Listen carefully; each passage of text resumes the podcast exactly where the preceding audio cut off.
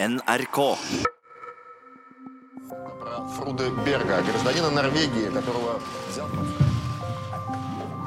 Det er ett bilde jeg kommer til å huske fra denne spionsaken. Og det er bildet av en fortvila nordmann som står og gråter inni et glassbur i en russisk rettssal.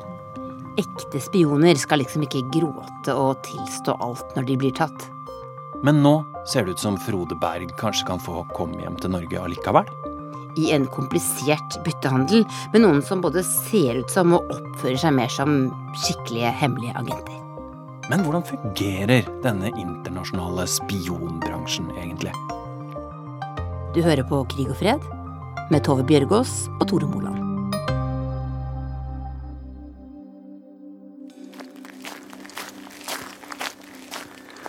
Jeg har sett veldig mange spionfilmer i mitt liv. Og ser jo for meg at disse her skal gå over ei bru. Kanskje mellom den russiske enklaven eh, Kaliningrad og Litauen.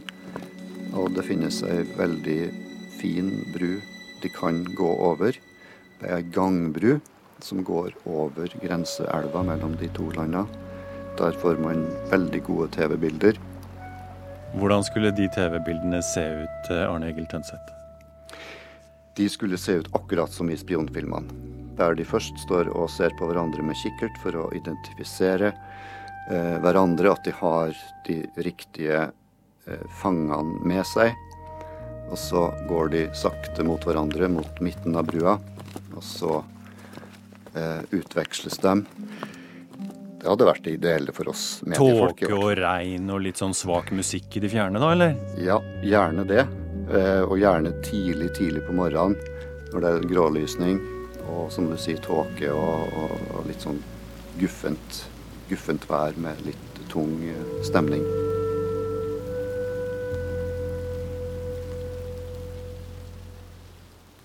Har du vært der? Nei, jeg har ikke vært der, men jeg har hørt om det. Jeg har sett bilder av den. Vi så på bilder av den senest i går. Fordi at vi begynte her å spekulere og ønsketenke og, og så for oss at dette her må jo være det ideelle stedet. Så det var i grunnen derfor vi, vi, vi kom på tanken på at eh, her, her bør det skje. Så NRK Finnmark har da nærmest bestemt for oss at eh, Frode Berg han skal spasere over denne brua mellom Litauen og Kaliningrad? Ja, nå syns jeg du trekker det litt langt, men eh, tja. Mitt navn er Arne Egil Tønseth. Jeg befinner meg akkurat nå i Kirkenes. Eh, Jeg jobber i NRK Finnmark og har gjort det i mange, mange år. Jeg har jobba med journalistikk rundt eh, Russland og forholdet mellom Norge og Russland, stort sett med ståsted i Finnmark, men nå som korrespondent i eh, Moskva for en god del år tilbake. Det har hengt en plakat på Samfunnshuset på torget i Kirkenes i snart to år nå. 'Hjelp Frode hjem', står det på den plakaten. Og det er vel et nokså eh, ikke akkurat enstemmig samfunn som står bak det, men, men veldig, veldig mange ønsker selvfølgelig å få den gamle pensjonerte grenseinspektøren tilbake. Og nå virker det kanskje som det nærmer seg? Ja, det ser nesten sånn ut. Eh, I hvert fall eh, ut ifra det vi hører fra litauiske parlamentarikere som da eh, nærmest ved en inkurie har blitt involvert i denne trekantavtalen mellom Norge og Litauen og Russland. Det var i Litauen nyheten sprakk om at Frode Berg snart kunne være en fri mann igjen. Løsningen skal rett og slett være en byttehandel med spioner. En trekantavtale. Russland skal slippe fri to litauere og én nordmann. Litauen skal slippe fri to spiondømte russere. Den mest kjente av dem er Nikolai Filiptsjenko. Altså, vi har jo fått eh, de eh, offisielle opplysningene som finnes. De, har jo kommet fra Litauen og myndighetene der. Eh, jeg har vært i det russiske utenriksdepartementet, og, talskvinnen der sånn hadde ingen verdens å si. Sånn at offisielt fra russisk side så er det ikke en sjel som sier et pip om denne saken hittil. Men alt tyder jo på at det er, er på gang. Men, men man er fryktelig forsiktig med å si. Jeg er eh, Jan Espen Kruse. Jeg er NRKs eh, korrespondent eh, i Moskva. Og her har jeg vært litt over et år. Men fortell oss da, Jan Espen, hva veit vi om denne utvekslingsavtalen, eller hva tror vi at vi veit? ja, eh, det det ser ut til, er at eh, det er to russiske spioner som sitter fengslet i Litauen. Eh, at de to skal utveksles mot to litauere som er dømt for spionasje her i Russland.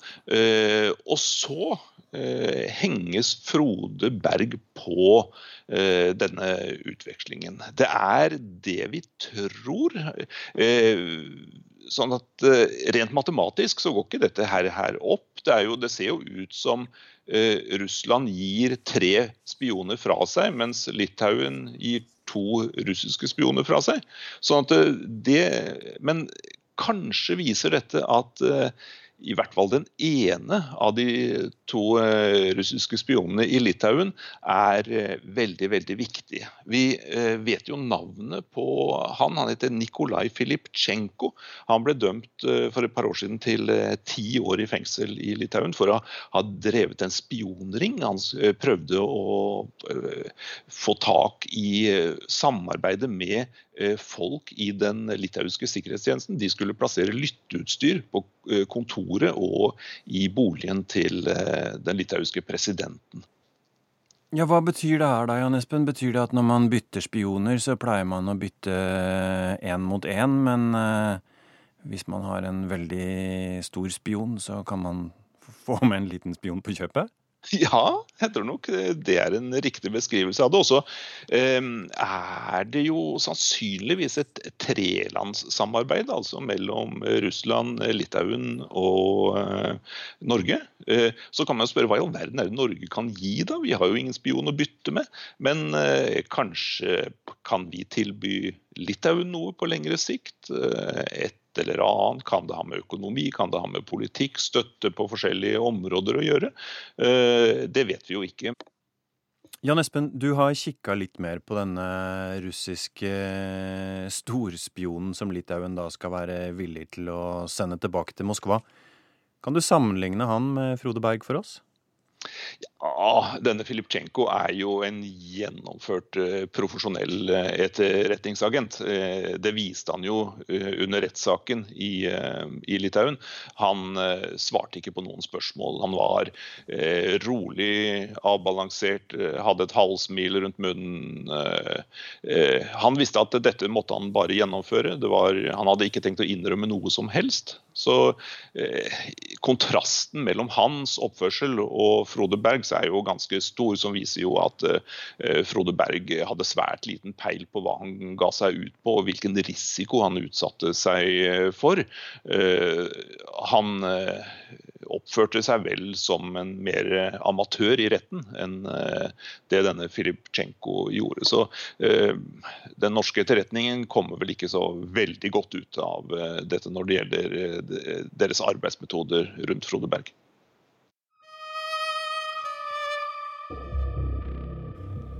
Frode Berg ble arrestert i Moskva i desember 2017. Og i april i år ble han dømt i byretten. Han var skyldig i spionasje etter den russiske straffelovens paragraf 276. Og straffen var 14 år i en fangeleir. Frode Berg anket ikke dommen. Men nå i høst har han søkt om å bli benådet.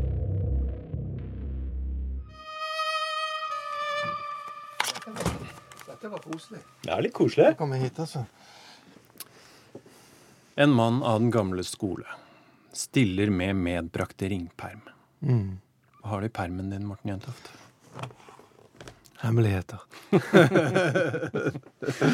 Klassifiserte opplysninger? Klassifiserte, ja. Det er noen ting her som Og det marsj paslo Norvegi Vrasia Resaland. Ja. ja da. Jeg heter Morten Jentoft, er journalist i NRKs utenriksredaksjon. Har jobbet i Finnmark i mange år, og var NRKs korrespondent i Moskva da Frode Berg ble arrestert i begynnelsen av desember 2017. Hvem er Frode Berg? Ja, Frode Berg han er en eh, 64 år gammel eh, pensjonert offiser. Eh, eh, størsteparten av sitt eh, yrkesliv har han vært ved grensen mellom Norge og Russland i Sør-Varanger. Eh, var i mange år grenseinspektør. Han var på mange måter mista grense. Han som visste hvor grensestolpene sto. Han som sørget for at reinsdyr som hadde forvillet seg over grensen, ble sendt tilbake igjen. Ordnet opp i praktiske spørsmål. Eh, var også en kjent eh, medlem i lokalsamfunnet, medlem av menighetsrådet. Aktiv i folk-til-folk-samarbeidet med Russland. Hva er det som har vært så spesielt med denne saken, Morten Jentoft? For meg så har det vært veldig spesielt at jeg har jo også min bakgrunn som journalist fra dette grenselandet oppe i nord mellom Norge, Russland og Finland, og så kommer det altså en sak som går rett inn i eh, det som jeg har jobbet med tidligere. Og jeg sitter jo altså som korrespondent i Moskva, og så skjer det at en nordmann blir eh, arrestert eh, midt i sentrum av Moskva, foran Bolsjoj-teatret. Eh, og eh, et sånt, eh, et, sånn, et sånt drama hadde jo jeg aldri trodd at jeg skulle havne oppi. Det var noe av dramatikk ellers den tiden jeg var korrespondent i Moskva. Ja, Hva tenkte du da du fikk den nyheten om at Først så tenkte jeg nok som veldig mange andre at dette må være en feiltakelse. Dette må ha vært en misforståelse.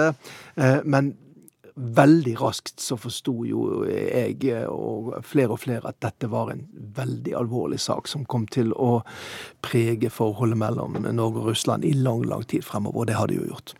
Hva veit vi om hva han har gjort?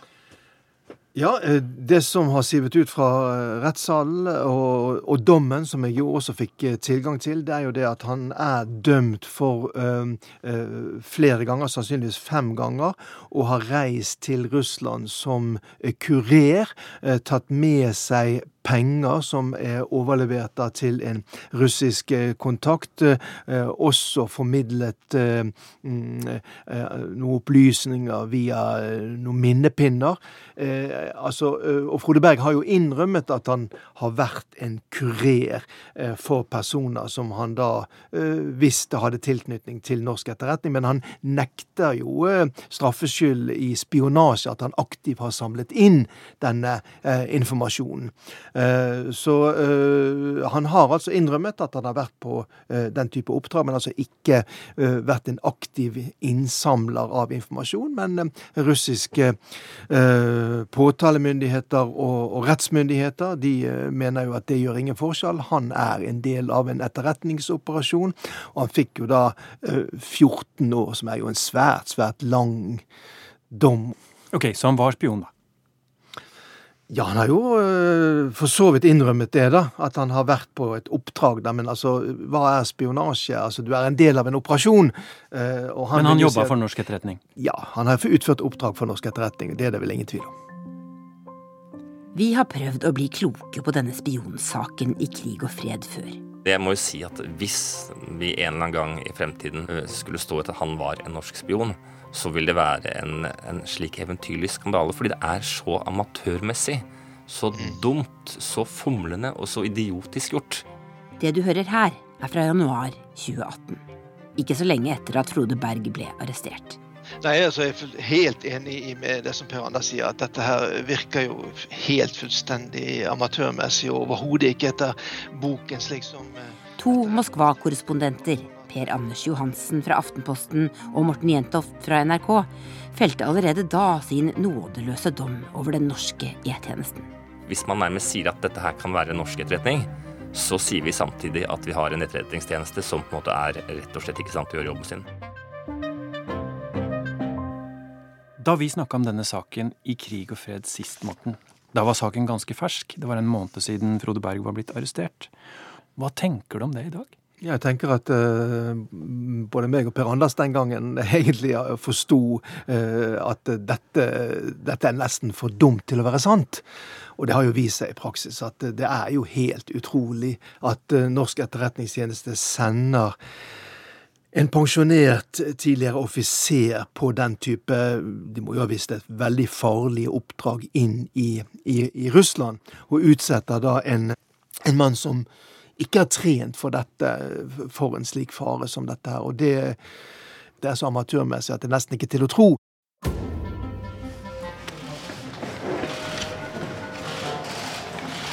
Hva var det du egentlig gjorde for Etterretningstjenesten? Gjestene på den store risken. Jeg sendte konvolutten og penger.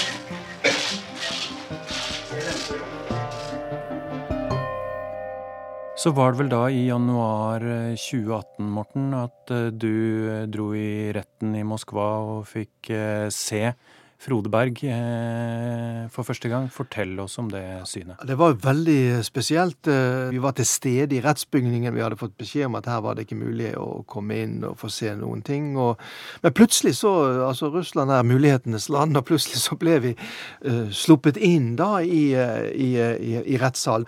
Og der sto altså uh, Frode Berg inne i dette glassburet, og fortvilet og gråt. Og det da plutselig så ble jo da denne saken mye mer konkret for meg og for vi som jobbet med dette her. Og vi forsto jo også den menneskelige tragedien midt oppi dette her.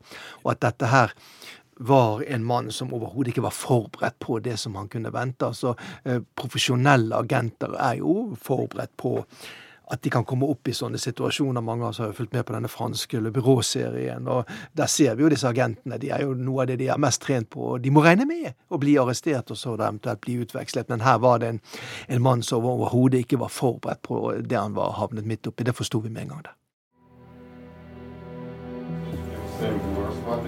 Datoen er 1. oktober i fjor og stående inne i et bur i rettssalen får Frode Berg beskjed om at fengslingen av ham blir forlenget.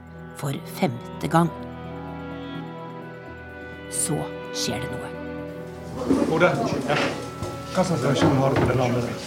Hva? Slags reaksjon har du på det navnet? Mens vaktene kjefter for å få folk ut, tar Morten Jentoft seg helt fram til buret og presser en papirlapp med et navn mot glasset. Ja, det må han. Det er mannen, svarer Frode Berg. Slik bekrefter han hvem den norske etterretningsoffiseren som sendte ham på oppdrag i Moskva, var. Gjennom journalistisk arbeid så var det jo da mulig eh, relativt raskt å i alle fall eh, finne fram til en av dem, den, den, sentrale personen som hadde vært involvert i, i denne operasjonen. ja. Som er en nordmann, som var den som, som hadde gitt Frode Berg dette Nordmann med tilknytning til norsk etterretningstjeneste. Ja. Og det var jo en, en, et, et, gjennombrudd sånn sett for å få knyttet denne saken da direkte til den norske etterretningstjenesten. Men hvorfor kan vi ikke si hvem det er? Nei, altså, Det kan være mange grunner til det. Vedkommende og norsk etterretning har jo da fått alle mulige tilbud til å selv forsvare seg. Men uh, alle vi som kjenner til de, de, hemmelige tjenester, vet jo at de ønsker ikke stort sett å uttale seg i det hele tatt om dette. Og det er det jo også gode, veldig gode grunner til. Uh, og, og, viktig er det jo også å, å, å vise til at her uh, Ok, det er enkelt fotsoldater som er involvert i dette, men det er jo i siste hånd da ledelsen i Etterretningstjenesten som har satt i gang eller godkjent denne operasjonen. Og den norske etterretningstjenesten er jo igjen under det norske forsvarsdepartementet, som har en politisk ledelse, og det er jo de som i siste hånd må svare for hvordan og hvorfor man gjennomførte den, type operasjon som de fleste i dag ser på som svært amatørmessig, og som da har gått utover eh, enkeltmennesker, altså ikke bare Frode Berg, men hele hans familie. Kirkenes ble en av Europas mest bombede byer. Nå i slutten av oktober er det 75 år siden Den røde armé kom fra øst og tok Finnmark tilbake fra Nazi-Tyskland. I oktober 1944 slo den sovjetiske hæren tyskerne tilbake også i nord i en intens offensiv med tap av titusener av soldater på begge sider. Det skal feires i Frode Bergs hjemby Kirkenes med den russiske utenriksministeren på besøk, og med både norsk konge og statsminister på plass. De skal markere naboskap og vennskap mellom Norge og Russland. Men frigjøringsjubileet handler nå plutselig også om når og hvordan en norsk spion kommer hjem igjen.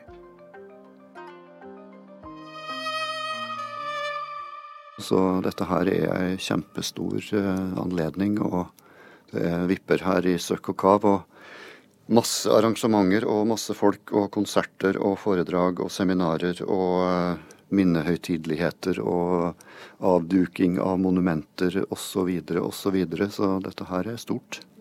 Men så er det en mann ved navn Frode Berg som også er fra Kirkenes. Hvordan eh, påvirker hans situasjon frigjøringsjubileet? Han påvirker vel dette jubileet foreløpig som en slags eh, skygge, tror jeg man kan si. Nå har Frode Berg sittet i fengsel i Moskva i eh, snart eh, to år.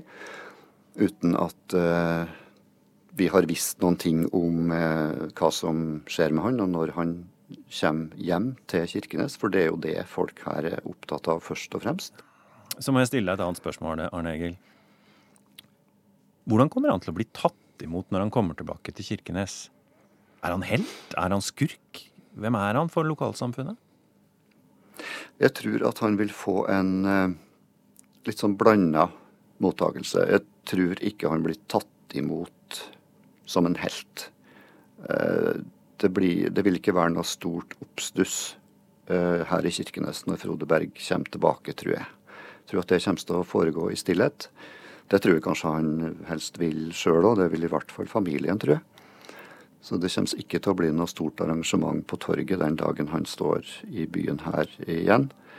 Men eh, jeg tror at det vil være en utrolig lettelse i uh, samfunnet her når han er tilbake. Det, det tror jeg alle er enige om. Du har hørt Krig og fred, en podkast fra NRK Urix. Lydregi ved Lisbeth Sellereite.